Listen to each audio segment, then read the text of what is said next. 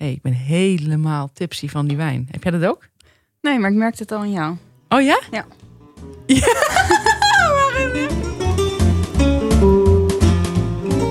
Deze week in de shitshow raden we iedereen aan om ieder jaar naar hetzelfde vakantieoord te gaan. Weet niemand in Janneke's omgeving wat ze nu eigenlijk doet. Stef ergert zich aan mij. Janneke stond oog in oog met Bettine Vriesekoop. En we hebben twee nieuwe rubrieken. Onder andere de rubriek Inspirerend. En we sluiten als altijd af met een warme boodschap.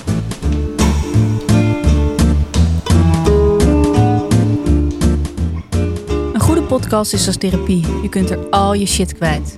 Wij, Stephanie Hogenberg en Janneke van der Horst, bespreken de heetste shit van de week en onze eigen shit. Zodat we samen met jullie weer een kilo lichter zijn. Een show door vrouwen voor mannen. Dit is aflevering 8, Stephanie. Ja, als je mij vijf jaar geleden had gezegd dat wij ooit acht afleveringen van een podcast zouden maken, had ik je niet geloofd. Nee, wat ik en ik al zeker niet. nee, leuk. 8. Ja, Mooi getal. Ik eh, zat een beetje in hetzelfde schuitje als jij eh, afgelopen zomer. Want dit keer was jij het die drie weken weg was. ja, maar jij hebt echt niks te klagen gehad. Ik heb niks te klagen gehad. We, Want hebben, we hebben gewoon iedere dag geappt. ik heb me echt ingehouden.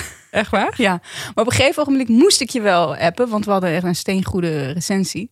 Ja, daar gaan we het verder niet over hebben natuurlijk, maar die was steengoed. Toen moest ik jou wel even bellen van... hey, heb je die steengoede recensie gelezen? Ja, klopt. En, toen en toen zei je van, ik durfde je eigenlijk niet te bellen. dat vond ik heel apart. Ik was de hele tijd met jou aan het appen. Maar bellen is toch wel, je weet... Ja, dat voor mij bellen een enorme Ja, eh, hindernis is. ja. Dus ik vond bellen meteen heel heftig. Maar ik moest jou toen natuurlijk bellen, want het was... Maar ik, jij, jij hebt gewoon echt niks te klagen gehad. Ik was gewoon de hele tijd beschikbaar voor jou. Heb je dat niet zo ervaren? Nee, maar je had mij ook af en toe nodig. Ja, ik, ik appte jou ook heel veel. Dus ja, dat was voor jou ook makkelijk om mij weer terug te appen. En toch had ik er moeite mee, want ik heb me ook nog ingehouden. Dan maakte ik een fotootje van iets. En pas als jij mij dan appte, kon ik snel dat fotootje sturen. Nou, wat grappig. Ja. Ehm, we hebben een nieuwe rubriek. We moeten onszelf natuurlijk steeds vernieuwen. Ja, En onszelf steeds weer uitvinden. Dus ook voor de luisteraars. En we hebben een nieuwe rubriek. Wil jij, wil jij toelichten wat, wat onze nieuwe rubriek is? Eh, ja, we hebben een nieuwe rubriek. En die rubriek die is, eh, die, die is voor mannen die een appje hebben gekregen of een mail van een vrouw die ze niet helemaal begrijpen. Ja. En die ze dan door ons willen laten lezen. En dan kunnen wij zeggen wat er daadwerkelijk staat. Dus tussen de regels doorlezen. Eh, we hebben een oproepje gedaan op Instagram. Ja. Voor de mensen die ons nog niet volgen, we zitten ook op Instagram. En eh, daar kwamen reacties op. Ja, heel veel. Twee stuks. Ja. En eh, er was iemand die wilde anoniem blijven, hè? Ja, de eerste de ene wilde anoniem blijven, die, die behandelen we nu. Ja. Ehm, en die stuurde het volgende. Ja, ik zal het even erbij pakken. Ehm, die stuurde. Ik vond het. Dit stuurde dus eh, deze vrouw aan hem. Ik vond het afgelopen dagen ook heel gezellig. Maar heb ik eerlijk gezegd op dit moment niet echt behoefte om te daten. Sorry. Het lijkt me wel heel leuk om gewoon nog te chillen met elkaar. Lachende smiley. Oh, En- zie je dat als een lachende smiley? Ik zie dat als een blozende smiley. Oh ja? Ja, dat zijn heeft rode wangen. Oh, heeft die rode wangetjes. Dat had ik niet goed gezien. Maar een, een blozende smiley met een lach. Is dat een goede? Is dat een goed? Want er lacht ook.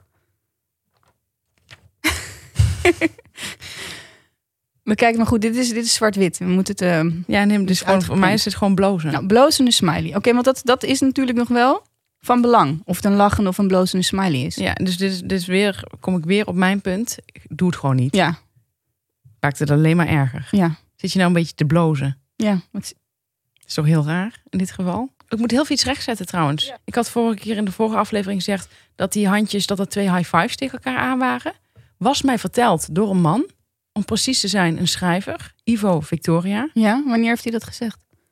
Ja, dat is een goede vraag. Op een, op een, op een avond, op een feest. Oké. Ik denk dat hij mij wilde imponeren of zo. Ja, Maar goed, eh, dit heb ik dus gewoon als, als waarheid eh, aangenomen. En, en dus verder verteld in de podcast. En mensen hebben mij erop gewezen dat als je zoekt op bidden, deze handjes tevoorschijn komen. Dus dat is niet waar wat hij heeft gezegd. maar je hebt wel gelijk dat mensen het gebruiken in een andere context. Nee, Wel, want niet iedereen gebruikt het als bidden. de meeste mensen wel. Ja, ik, ik dus dacht dus heel lang ook dat het bidden was. Ik gebruik het ook als bidden. Gewoon, ook al wist je dat het een high five was. Ja. Heel goed. Nou goed, de blozende smile. Hebben jullie het eh, appje nog voor je? Dus ik vond het afgelopen dagen ook heel gezellig. Maar heb ik eerlijk gezegd op dit moment niet echt behoefte om te daten. Sorry, uitroepteken. Het lijkt me wel heel leuk om gewoon nog te chillen met elkaar. Blozende smiley. Stefanie, wat staat hier? Wat moet die jongen hiermee? Ja, ik, ik, ik denk dus, ik denk dus wat zij doet is, zij wil hem vriendelijk afwijzen. En dus doet ze een verzachtend iets erbij door, maar het lijkt me wel nog leuk om gewoon te chillen met elkaar. Ja. Dit meent zij niet. Nee. Had jij dat, dacht jij dat ook? Ik vond het een, best wel een duidelijke app ook. Ja, want toen ik hem eh, binnenkreeg, eh, toen schrok ik. Omdat ik heel even dacht van, oh, wat heb ik nou weer gedaan? Maar het was dus natuurlijk dat appje. Ja. Ehm, het, het blijft hoe dan ook altijd wel een beetje shit. Om, Zo'n appje te krijgen. absoluut, zeker. Zelfs als je geen interesse had. Daar Precies. het ook al een keer eerder over in de podcast. Ja, Dus wat kunnen we tegen deze jongen zeggen? Wat moet je terugsturen? Of wat doe je met zo'n appje? Het is voor mij ook wel heel duidelijk. Het lijkt me wel heel leuk om nog gewoon te chillen met elkaar. Wat ik dan zou doen, misschien als je in een pesterige bui bent, om dan te zeggen: yes, wanneer gaan we chillen? dat is een goeie. Toch? Ja, vind ik heel goed. Vind ik een hele slimme. Ja, dat is een goed advies. ja. Eh, Oké, leuk. Wanneer gaan we chillen? Ja. Oh man, dat is een goeie. Hier is iemand echt mee geholpen. Dit is echt, dit is echt heel goed. Het is ook een beetje, ik, echt, ik moet heel eerlijk toegeven, ehm, dat ik mezelf een heel klein beetje herken in deze ja, app. je probeert het gewoon zacht Ja, te doen. Je probeert het zacht te doen. Omdat ik, Ik- het zelf zo vervelend vind, probeer ik het ook voor een ander zo vriendelijk mogelijk te doen. Dus ik heb laatst ook naar die date uit aflevering 2, eh, had ik ook gestuurd van, maar een biertje lijkt me altijd leuk. Ja, als hij dat had gevraagd aan mij, was ik dat wel gaan doen hoor, zeker. Mhm. Ehm, maar echt menen? Ja, dat is, dat is toch niet het geval. Laat het afronden voordat we te veel Ja. onze kaarten zelf openleggen. Ja, precies. Ik hoop dat hij geholpen is hiermee. Ik, ook, ik weet zijn naam ook niet meer, dus we kunnen het ook niet zeggen. Hij wilde ook niet genoemd worden, dus eh ja, hij zal wel luisteren. Oké, nou Stef, jij bent drie weken weg geweest. Heb je shit gehad? Ik heb shit gehad. Ehm, ik wil even twee aantekeningen van tevoren maken. Eén is dat ik een bloedhekel heb aan mensen die klagen over hun vakantie. Echt een enorme hekel, omdat ik zelf het heel erg leuk vind om met vakantie te gaan. Twee is, ik, wil, ik weet dat met vakantie de betere versie is, taalkundig gezien. Maar ik wil daarmee kappen. Ik ga Mhm. vanaf nu zeggen op vakantie. En niemand die me wat doet. Ik ben helemaal klaar met met vakantie. Want het, het loopt gewoon niet lekker. Het is gewoon niet lekker. Ophouden nu. Ik vind wel, kijk, er zijn, er zijn dingen waardoor je echt kunt klagen over je vakantie. Als er echt heel vervelende dingen gebeuren. Tsunami. Precies. Dan heb je daar wel recht toe. Maar anders vind ik gewoon niet zo zeiken en genieten. Echt genieten. ik heb vooral een hekel aan mensen die net een baby hebben gekregen. En dan hun oude leven willen behouden, koste wat kost. En dan eh, gaan backpacken met zo'n baby in India. En dan een voedselvergiftiging oplopen. En dat ze dan zeggen, ja, het was wel zwaar hoor, met zo'n kleintje. Ik- Wil ik eigenlijk meteen do- door naar nog een ergernis? Ja? Ik heb ook een ontzettende hekel, maar echt gigantisch, aan mensen die zich niet kunnen ontspannen. Die, en die daar ook nog trots op zijn. Ja, dat is van die, vervelende. Van die Calvinisten. Ja. Die dan gaan zeggen, ja, maar ik moet eerst mijn werk hebben gedaan voordat ik kan ontspannen. Rot op zeg, ga Ja. toch weg. Of van die mensen die zeggen, ik ben geen type om op zo'n bedje te liggen. Ook niks zoiets. te doen. Nee, Ja. we doen helemaal niks. We lezen, Ja. we denken. Is Precies. geen niks doen. Ik vind dat ook super irritant. Oh, inderdaad, van die mensen die zeggen, ja, ik kan niet een strandvakantieweek lang. Hoezo niet? Wat is Nee. het probleem? Ja, Wat is het probleem? Je leest een boek, je leest daarna nog een boek. ja en dan... ik, ik moet iets doen. Ja, nou dan ga je schelpen zoeken, Ja. mafkees. Oh, verschrikkelijk. Ja, dus daar erg ik me allemaal kapot aan. Maar nu ben ik toch een van die mensen. Want ehm, ik ging drie weken in mijn eentje naar Italië. Heb ik nog een ergernis? Ja, ik, ik ben vol met, met agressie teruggekomen. Heerlijk. Je bent echt helemaal ontspannen teruggekomen. ik ben wel geïnspireerd, maar, maar wel vol agressie. Maar wat me ook irriteerde is, mijn eigen vader doet dat. Eh, maar nog een paar mensen met hem. Mijn vader vergeef ik, want dat, dat is onvoorwaardelijke liefde. Mhm. Ehm, maar er zijn er mensen die gaan vragen: voel je dan niet eenzaam als je in je eentje op vakantie gaat? Kijk, mijn vader flip ik dan helemaal uit. Bij die andere mensen doe ik de beleefdheidsvariant. En dan zeg ik van: eh, nee, want eh, ik ken mezelf redelijk goed. En als ik zou denken dat ik me dan eenzaam ga voelen, zou ik niet gaan. Ehm, maar ik vind het een onnozele vraag. En het is natuurlijk totale projectie, dat begrijp ik ook. Ja. Maar ik vind het nog steeds irritant. Mijn vader kan zich hier niks bij voorstellen. Nu moet ik heel eerlijk zeggen, na deze vakantie. dus ik ben er toch een beetje van teruggekomen. Hoe was het ontstaan, het plan? Ik ben vorig jaar in eh, Palermo geweest, in Sicilië, op Sicilië. En ehm, eh, dat was een tip van een vriendin. Ik heb een Siciliaanse vriendin, Sylvia. Ze is geweldig. Eh, kan ook checken of ze deze podcast luistert. Ja, heel goed. Ehm, en Sylvia... Die, En ze woont in Nederland. ze, woont, nou, ze woonde acht jaar in Nederland en nu woont ze in Engeland. Zij zei tegen mij, zij vindt dat ik super bang in het leven sta. Dus zij vond dat ik eens een keer in mijn eentje een week op vaka- vakantie moest.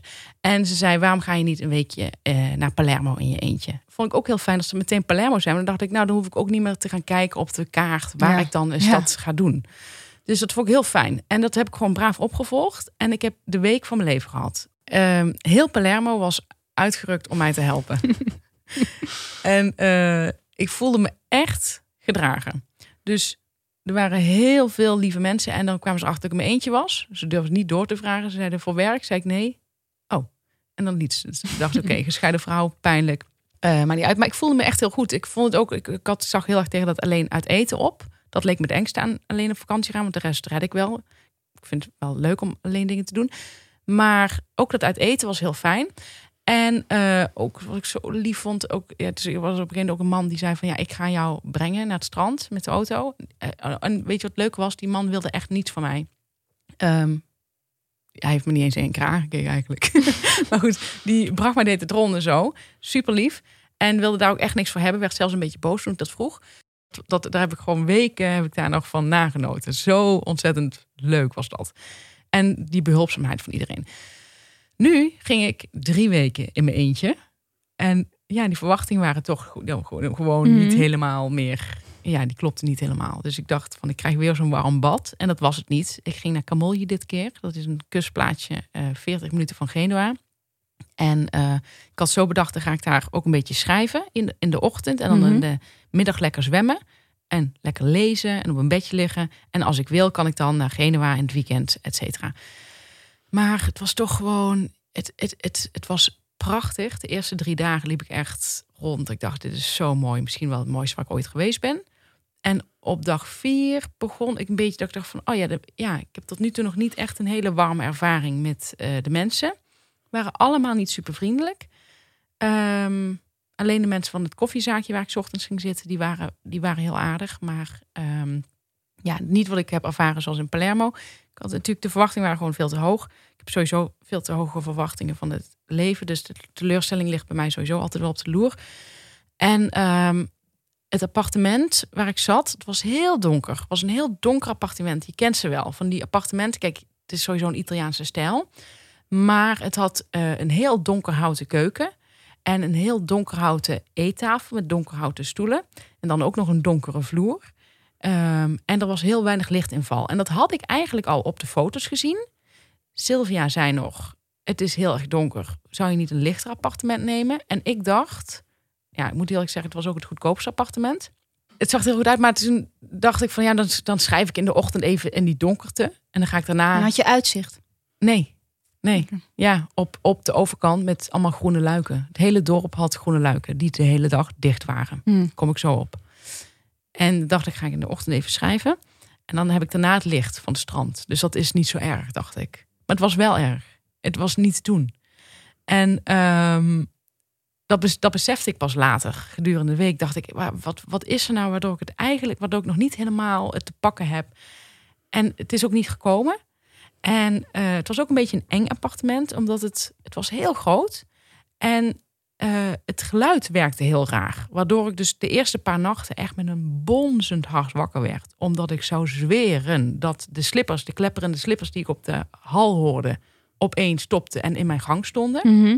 Was niet zo. Na een paar dagen dacht ik van, nou, hier moet ik eventjes aan gaan wennen dat dit gewoon niet klopt. Toen had ik opeens bedacht, waarom zouden die luiken in het hele dorp dicht zijn? Zou dat vanwege de inbraken zijn? Dus daardoor werd ik nog banger. Had ik mezelf helemaal gek gemaakt. Werd ik weer met bonsdag wa- wakker.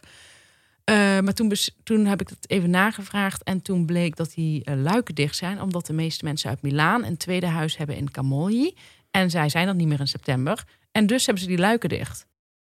Ja, dus eh, nee, het was, het, was, het was gewoon niet zo'n fijne ervaring. En na twee weken dacht ik, ik sliep ook niet goed omdat die geluiden dus toch me bleven beangstigen. En na twee weken dacht ik, wat kan ik nu nog doen behalve een vlucht eerder terugnemen? Ehm, en toen heb ik besloten om de laatste dagen in eh, Genua te spenderen. En heb ik toen lekker licht vier sterren, sterrenhotel geboekt. Ik had een geheime deal via booking.com gevonden. En het was een super licht hotel, was heel fijn. Eh, en daar heb ik ook wel meteen, kreeg ik meteen zin om te schrijven. Wat zijn jouw ideale schrijfomstandigheden? Heb jij wel rust nodig? Ik heb het ontdekt en dat is de hotelkamer. Daar had ik een heerlijk bureau, heel veel licht. En ik heb eh, meteen twee stukken geschreven. Nou, Die zijn nog niet af. Maar dat hielp me wel heel veel licht. En een heel lekker glanzend bureau. En alles wit.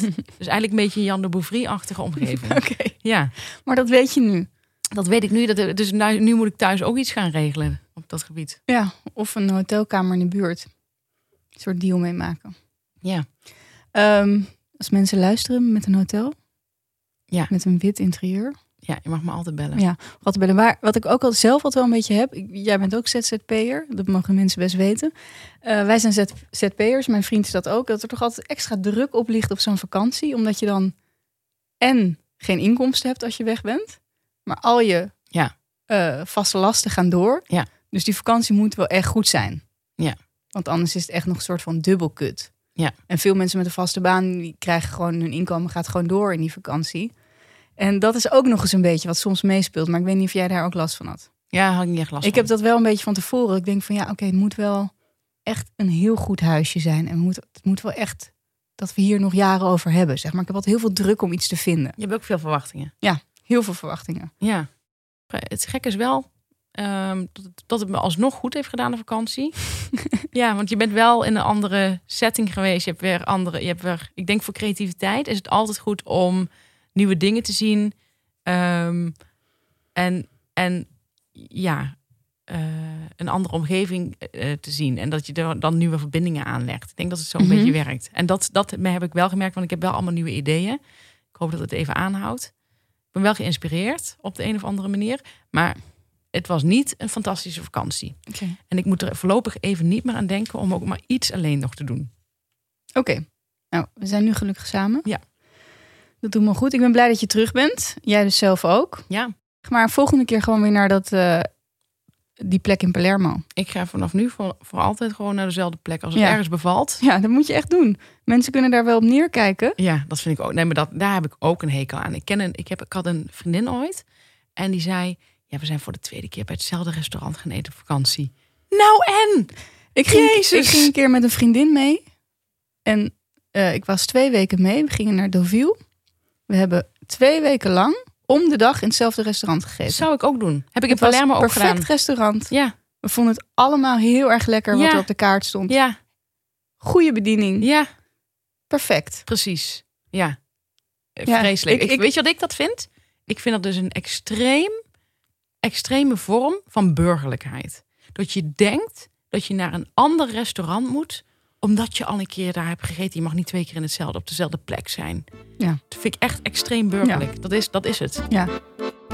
Fijn dat je weer terug bent, Stef. Daar ben ik Ja. echt heel blij om. Wat was jouw shit?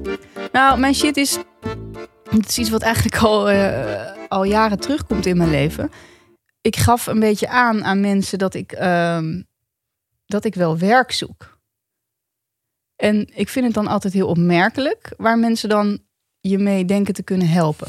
Begrijp je? Zo heb ik jaren geleden... had ik ook zo'n moment dat ik even dacht van... nou, ik heb wel werk nodig. Dat ik wat tegen wat vrienden zei van... nou, als je iets weet, als je iets hoort... En dan vraag ik me af of mensen eigenlijk wel een idee hebben wat ik kan en wat ik doe. Dus een paar jaar geleden kwam een vriendin bij mij. Ik heb iets heel goeds voor jou. Ze zoeken een weervrouw of man. ja, en het stond er ook in die vacature dat je een brede meteorologische belangstelling moest hebben. En zij zei, jij houdt altijd zo van het weer. je hebt het altijd het weer. Dan denk ik, ja, ik kan toch niet ineens een weervrouw worden? Dan moet je toch wel enige kennis hebben van, van zaken. En nu had ik ook zoiets. Mijn neef, die had ik ook een keer aangesproken, want die heeft overal kennis en die weet van alles. En die had ook een baan voor mij, dacht hij. Ik zei, ik heb iets gevonden, zei hij. Dat is echt perfect voor jou. Oké, de functie heette campagne manager effective media en marketing. Ik weet niet wat het inhoudt, hè? Nee. Dat vond hij. Kreeg ik een appje van hem. Ik heb iets gevonden, perfect voor jou. Er stond in MBO slash HBO opleiding in de richting commerciële economie, marketing, media of communicatie. Heb ik niet. Ik ben gesjeest politicologie student. Twee jaar werkervaring in een online omgeving op het gebied van campagnemanagement en projectmanagement. Heb ik niet. Ervaring in de FMCG-branche is een pre. Weet niet wat het is. Dus denk niet dat ik dat heb. Kennis van Microsoft Office ken ik. Spreekt en schrijft de Nederlandse en Engelse taal vloeiend. Nee. Groot verantwoordelijkheidsgevoel. Heb ik wel. Goede communicatieve vaardigheden vind ik ook wel ik heb. Goede coördinator en goed overzicht kunnen houden over meerdere campagnes tegelijk. Heb ik niet. Nee. Stressbestendig in tijden van hectiek en bij het halen van deadlines. Ik denk dat mensen denken dat ze hiermee hun plicht hebben ver- vervuld. Ja. Ja. Talent voor het maken van een realistische planning. Resultaat en servicegericht, analytisch sterk, commerciële en pragmatische inslag. Jezus, Mina. Dan denk ik, hoe, hoe, hoe kun je dit aan mij koppelen? Ja. Dat vraag ik me echt af. En dat is mijn shit van de week. Mensen, ik kan heel weinig, dat weet ik zelf ook wel. Nou, dat vind ik een beetje onzin. Nou ja, alles wat hier staat. Ja, dat, dat slaat ook voor de rest, de helft slaat ook nergens op. Maar goed, wat er in vacatures vaak gevraagd wordt, kan ik vaak niet. Wordt ook heel vaak ervaring gevraagd in dingen waar, waarvan ik niet eens weet wat het is. Je kunt toch schrijven? Ja, ik kan schrijven. Dat is wel. Je ik hebt kan toch ideeën? schrijven. Ja, en ik heb ideeën. Maar dat wordt bijna nooit gevraagd. Ja, wordt wel gevraagd, maar dan doen ze nog twaalf van die rare dingen erbij. Ja. En daardoor denken, denken dan sommige mensen dat ze het niet kunnen. Het is, het is, ik heb helemaal nu trouwens helemaal niet zoveel werk meer nodig. Dus ehm, nee, ik, heb, ik, ik hoef geen, ik hoef geen eh, vacatures meer. Maar ik vond het gewoon opmerkelijk. Dat is alles. Ja, nou goed dat je even heb jij er wel zoiets meegemaakt? Dat mensen met iets aankomen als eh, weervrouw? Nee, dat niet. Ik vind het wel een originele. Ja. Nou ja, wat ik zelf vervelend eraan zou vinden is dat als je dan ehm, je vraagt hulp aan mensen en dan gaan ze voor je meedenken en dan komen ze met dit soort bullshit aan en je bent bang dat als je daar heel negatief op reageert, ze de volgende keer niet meer aan jou denken, terwijl Ja. dat dan juist een baan is die wel bij jou zou passen. Ja.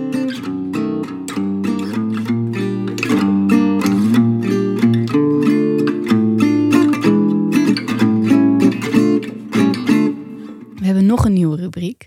En dat is, hoe noemen we deze rubriek? De inspirerende Interview quote. interviewquote. Ja, Ja. goeie. Dus we lezen geregeld interviews met mensen. En dan is er altijd wel een, een quote waarvan je denkt, wauw. Ja, inspirerend. Ja, Heel inspirerend. En jij hebt erin gelezen. Eh, Kim van Koten die had een interview. 20 vragen aan Kim van Koten. In de L. En eh, een van die vragen was: Wat is jouw slechtste gewoonte?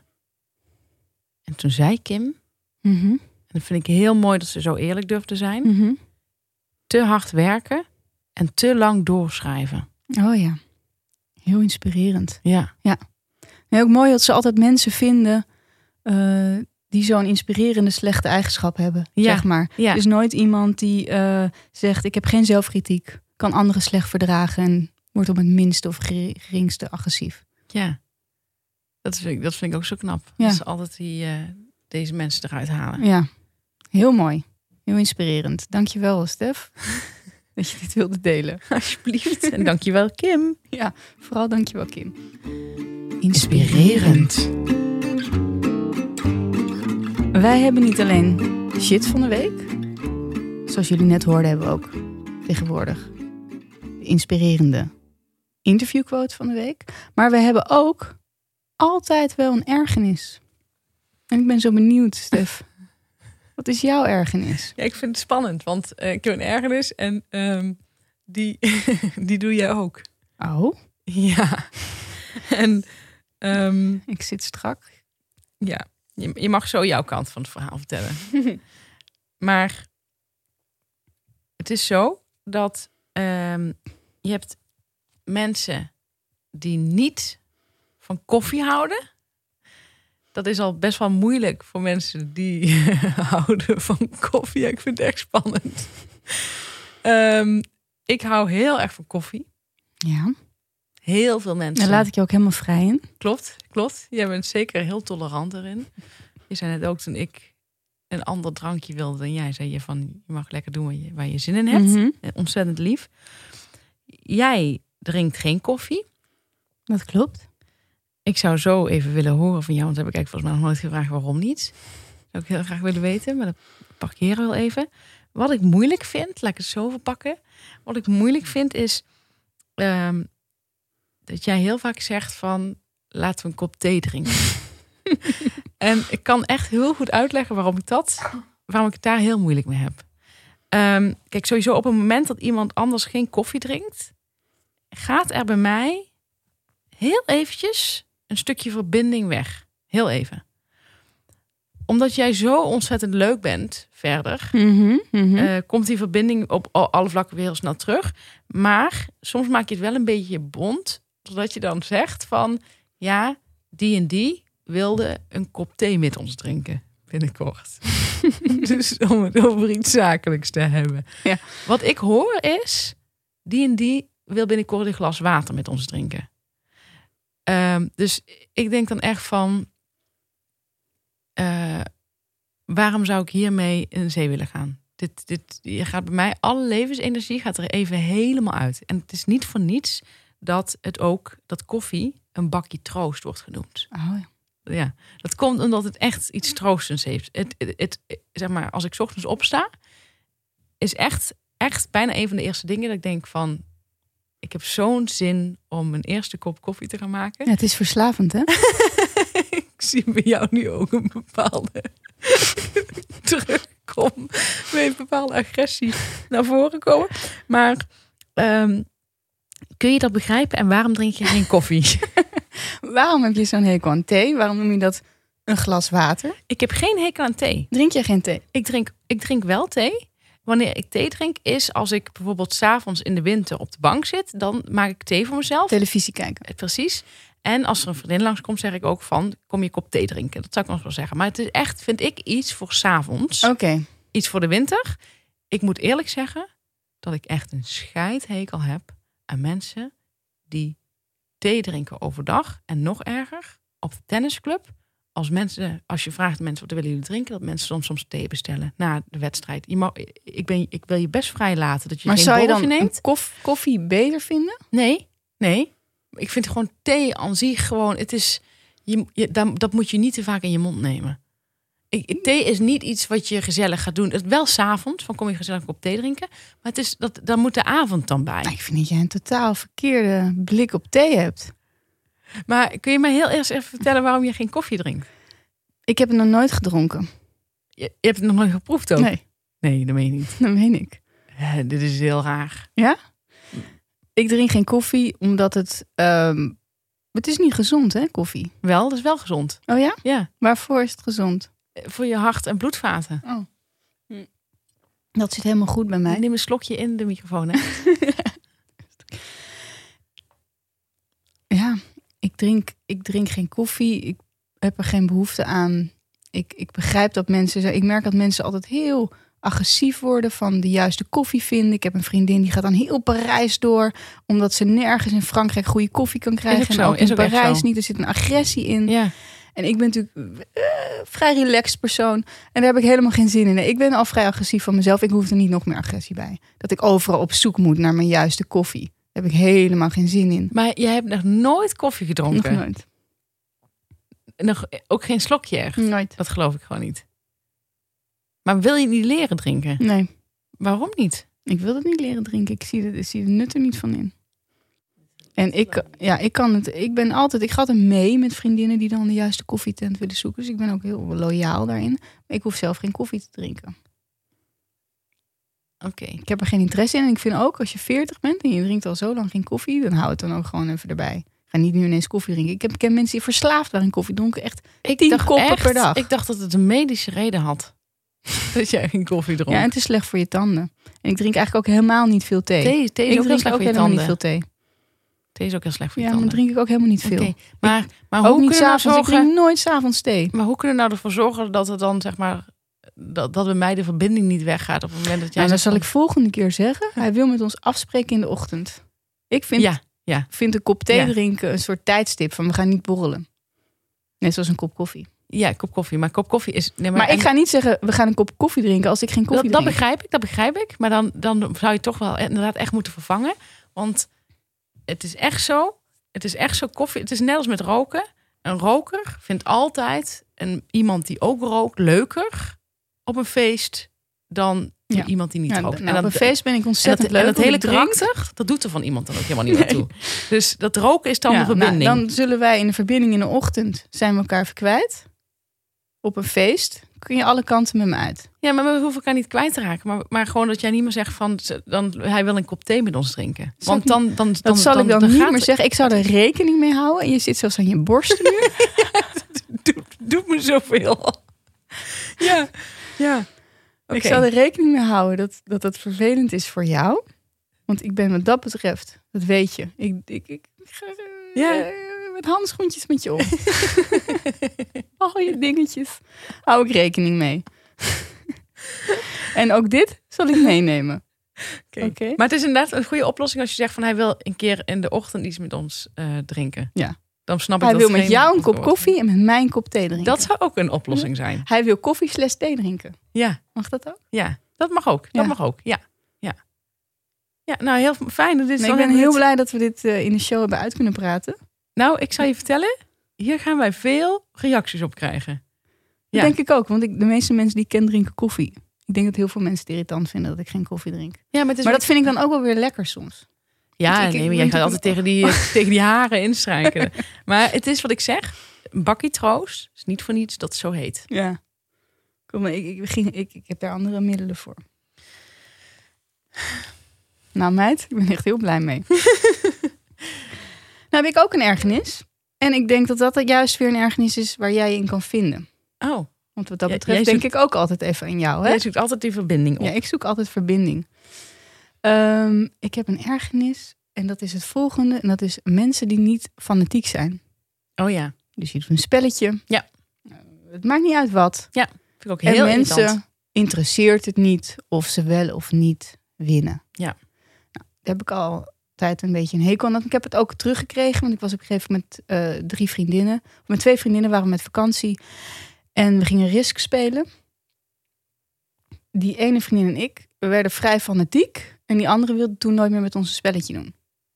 Terwijl wij echt geen idee hadden wat we verkeerd hadden gedaan. Ja. Wij vonden het vrij normaal dat we elkaar bijna naar het leven stonden. We Ja. wisten dat het is alleen tijdens risk en daarna is het gewoon klaar. Ja. Want da- daar ben ik wel goed in, daarna is het voor mij ook wel klaar. Mhm. En die andere vriendin wilde toen niet meer met ons spelen. Ze noemt het nog steeds het risk-incident. Hm. Dus, Dus uh, nou heb ik met mijn schoonfamilie het uh, nou, pim-pam-pet-incident. Ik was daar een keer met kerst, ik kende ze nog niet zo goed. En we gingen pim-pam-petten. Ja. Je, je, doet, je doet leuk mee. Maar ik dacht, ik doe heel leuk mee. Achteraf hebben ze toen over mij gesproken. En vonden ze dat wel heel heftig hoe ik aan het pimpanpetten was. Oh ja. En um, ja, uh, laatst ging ik, was ik op een feestje van een vriend. Uh, jij kent hem ook. Jij was ook eigenlijk uitgenodigd, maar je kon niet. En we gingen tafeltennissen. Ik was drie weken eenzaam in Italië. Ja. Zijn. En we gingen tafeltennissen en we hadden een, um, een clinic van Bettine Vriesekoop. Ja. Die kan goed tafeltennissen. Ja. En um, op het eind hadden we een, uh, een uh, hoe noem je dat? Estafette. Dan moest je het uh, balletje op je bedje houden en dan moest je heen en weer rennen door die zaal. Oh. Dat was soms, ik, ik mocht teams kiezen. Dat had ik heel lang niet gedaan. Met nog een, uh, iemand die ik ook kende. We mochten allebei teams kiezen. Dus ik had meteen de beste eruit. En ik had natuurlijk al uh, goed rondgekeken wie er wel en niet wat van konden. En het was ook wel een beetje lullig, want er bleven dus ook echt weer zoals vroeger mensen over. En die jongen die als laatste gekozen werd bij mijn team, zei toen tegen de jager: Ja, ze kennen mijn naam natuurlijk niet. dat vond ik ook weer zo. Dat deed me echt wel een beetje pijn of zo. ik kende ook zijn naam niet. Maar dat was niet per se de reden. Want ik, ik had andere mensen waarvan ik de naam ook niet kende... wel in mijn team gekozen. Ja, ach, gos. Nou goed, dus wij gaan het spel doen. En wij, wij lagen vet voor. Nou, en Bettine Vriesekoop, die zei dus toen tegen ons... Nee, nee, jullie kunnen, wij zijn wel gewonnen. Wij juichen allemaal. Nee, jullie hebben niet gewonnen. Want wij lagen heel erg voor. Dit kan niet. Dus wij zeiden, nee, dat is helemaal niet waar. Ook haar eigen team. keek En, zei, verbaasd. zei ze dat een beetje lachend? Of, eh? Nee, bloedserieus. Oh ja, leuk. En eh, ja, heel leuk. Ik, vond het, ik kon het ook heel erg waarderen. Maar ik stond dus tegenover haar. Want de jarige zat in mijn team. En die is ook bloedfanatiek. Die laat het niet zo merken. Die wordt niet agressief of zo. Maar die kan heel slecht tegen zijn verlies. Maar dat merk je niet zo aan hem. Maar ik merkte, ik moet wel even voor ons team opkomen. Want ik was degene die iedereen ook had gekozen. Ik voelde me ook een soort van captain of zo. En eh Bettine en ik stonden dus een soort van tegenover elkaar. Ik zei, nou, wij waren echt... Wij stonden vet voor. Ja, kregen we zo'n discussie. Mensen uit haar team keken ook echt een beetje naar haar van... Wat is dit? Eh, Iedereen wist dat wij voor stonden. Ze zei, ja, ging ze tellen, maar jullie hebben een man minder. Dus dan ben je sneller terug. Maar ons man was die laatste man van ons, van wie ik de naam niet wist en nog steeds niet weet. Die was even naar de wc gegaan. Oh, Dus ehm, ook onnozel. ja, heel onnozel. Dus toen zei ze, jullie zijn een man minder, dus eh, zij hadden gewonnen. Dus het ging niet door. En toen heb ik me wel vermand. Vond ik ook heel volwassen van mezelf. Toen dacht ik, oké, ik laat deze. Want ik Oh, kan hier wel heel erg tegen ingaan. Ja. Toen kwam die jongen terug. Wij allemaal, hey, waar knap. was je nou? En toen zei hij ook weer heel zacht tegen de jager. Ja, sorry, ik dacht dat het afgelopen was. dus nou ja, ik, ik, ik zelf ben fanatiek. En eh, ik ben niet zo erg als de Ronald en Frank de Boer hebben zo'n reputatie dat ze ook tegen hun kinderen keihard zijn. Nou, ik, ik, ik ga ook wel gewoon, als ik met mijn kinderen een spelletje doe, ik laat ze niet elke keer winnen. Nee, moet je ook niet doen. Nee. En ehm, hebben mijn ouders met mij ook niet gedaan. Nou, en kijk waar ik nu sta. Ik heb Precies. wel gewoon mijn eigen podcast. En ik weet niet of het anders ook was geweest. Nee, daarom. Dus, nou ja, fanatisme. Ik vind het ook irritant. Ik was laatst eh, eh, met mijn eh, tante en mijn moeder in Knokken. En met mijn nichtje. Met z'n vieren dus. Als je goed telt, we waren met z'n vieren. en eh, eh, toen gaf de eh, man bij de balie gaf twee sleutels. En zei, één kamer hebben we een upgrade moeten geven. Dus dat is, de, dat is de suite geworden. Want we hadden geen standaard kamer meer vrij. Ik pak die kaartjes en ik zeg: Kijk goed naar deze kaartjes. Wij gaan ka- jullie gaan een kaartje trekken. En daarop baseren we wie waar gaat slapen. Mhm. Mijn moeder en ik zouden samen slapen en mijn tante en mijn nichtje. En wat mijn moeder en mijn tante meteen zeiden. En dat vind ik dus een soort. Ja, eh, eigenlijk een soort levenslust die er is uitgezogen. Ons maakt het niet uit. Dan denk ik al. Ja, daar kan ik me echt helemaal niet in vinden. Maar menen ze dat, denk je? Dat meenden ze. Ja, dat meenden ze. Dus toen werd het een battle tussen jou en je nichtje. Precies. En toen eh, heb ik de kaartjes op mijn rug gehouden en gevraagd aan haar van zeg maar rechts of links. En ik wist zelf ook niet meer welke kamer Ik wat heb wel was. het gevoel dat jij hebt gewonnen. Ik heb gewonnen. Ja, En mijn tante ik zie zei... het aan je gezicht. Ja, het is zo erg. Ik ben daar ook heel kinderachtig in hoor. Heel vrij kinderachtig. En dat vond mijn tante dus ook. Want s'avonds toen ze een borreltje op had, toen zei ze... Ik hoorde het al aan die hysterische lach dat jullie hadden gewonnen. Want anders zou jij nooit zo lachen. Want vervolgens gingen we naar boven om te kijken wie welke kamer had. Hadden wij de suite. Echt enorm verschil. Zij hadden gewoon ja, een bed en daar konden ze echt net omheen. En wij hadden gewoon een bed en nog een logeerbed Weet je wat wij in erbij. Groningen hadden? Ja, ja. En ehm, dat was de kleine kamer, toch? Ja, heel. Ja. En eh, toen eh, zei, zei, eh, zei mijn tante dus van ja, ik hoorde al aan die hysterische lach van je dat het, want zo had jij nooit gelachen als het. En ik dacht ja, dat klopt ook, maar het was toch ook even. Ik denk dat ze het ook wel zelf direct zag, toch? Aan de eigen kamer. Nee, want zij bleven beneden wachten, Oh, mijn, oom- mijn moeder, moeder en mijn tante. Oh. En, en, en, mijn nichtje en ik, wij echt renden naar dat boven. door jouw verdieping met jouw lach. Nee, ja, zo was het wel. Want zij bleven beneden wachten en we zaten op verdieping 2. En ik kwam niet meer bij toen ik mijn kamer zag. Van geluk. maar ik snap niet dat je als... Ik vind het gewoon zo moederlijk ook. te zeggen, het maakt dat ons zou niks ik, uit. ik zie me dat zelf ook nog wel doen later. Ach, man. Alsof. Alsof, daarom zeg ik menen ze het. Maar goed, ja, nee, ik, ik kan me helemaal in vinden. Warme boodschap. Ja. Heb jij een warme boodschap of zal ik beginnen met een warme boodschap? Begin jij maar met je warme boodschap. Het is eh, bijna oktober. En wat gebeurt er allemaal in oktober? Er gebeurt ontzettend veel op seriegebied. Want er komt een nieuw seizoen van Succession. Oh ja. Heb jij Succession nog gekeken? Nee. Oké. Nou, wat jij over The White Lotus zegt, want het is de beste serie in jaren, dat heb ik met Succession. Ik vind dat zo steengoed. Ik moet het nog kijken. Ja, ik je ga het moet zeker nog kijken. Het is, het is echt fantastisch. Eh, het is een soort Murdoch-Trump-achtige familie. Met een vader. Moeder speelt niet echt een rol. Ze zijn gescheiden. Vier kinderen. En ehm, het gaat alleen maar om geld. Ze zijn steenrijk. Ze hebben kranten, eh, ze hebben tv-kanalen, ze hebben volgens mij pretparken en eh, van alles. En die kinderen zijn eigenlijk allemaal alleen maar, zijn allemaal vertiefd. Zijn allemaal helemaal fucked up. Ze zijn eh, voornamelijk met werk en met elkaar bezig. Eh, verder heb- hebben ze niet heel veel in hun leven. Ze hebben een eigen helikopter en, en vliegtuig. En het is heerlijk om dat te zien. Die vader is een soort, nou, is nogal van het verdeel en heers tussen zijn kinderen. Dus hij is voortdurend tegen elkaar aan het uitspelen. Ook wel lekker. En ja, ik, ik, omdat ik meerdere tips heb, moet ik het even kort houden. Dit is een soort verzameltip. Ja. Ik vind hun main team zo mooi. De, Ja, de- dat, we- ken ik wel. En eh, de dialogen zijn ontzettend goed. En eh, het is ook wel heel lekker altijd om naar zo'n ontzettend rijke familie te kijken. heerlijk. En die dan ook nog allemaal fucked up zijn. Dus Ja. dat je ook nog denkt, nou dan zitten wij toch hier best wel lekker op onze driezitsbank. Hè? Ja, Hier, ja. Och, wat is het toch eigenlijk fijn om niet zo rijk te zijn. oké. Maar het is echt goed. Echt een tip. En er komt nu een nieuw seizoen. Wat betekent dat? Dat er al meer eerdere seizoenen zijn. Dus die kun je allemaal nog gaan kijken als je het nog niet kent. Maar ik denk dat veel mensen het wel kennen. Dan hebben we Curb. Curb Your Enthusiasm. Ja. Ook een nieuw seizoen. Ik ben... Ja, Larry David is denk ik mijn favoriete man op aarde. Ja. Waar ik ook niet op val.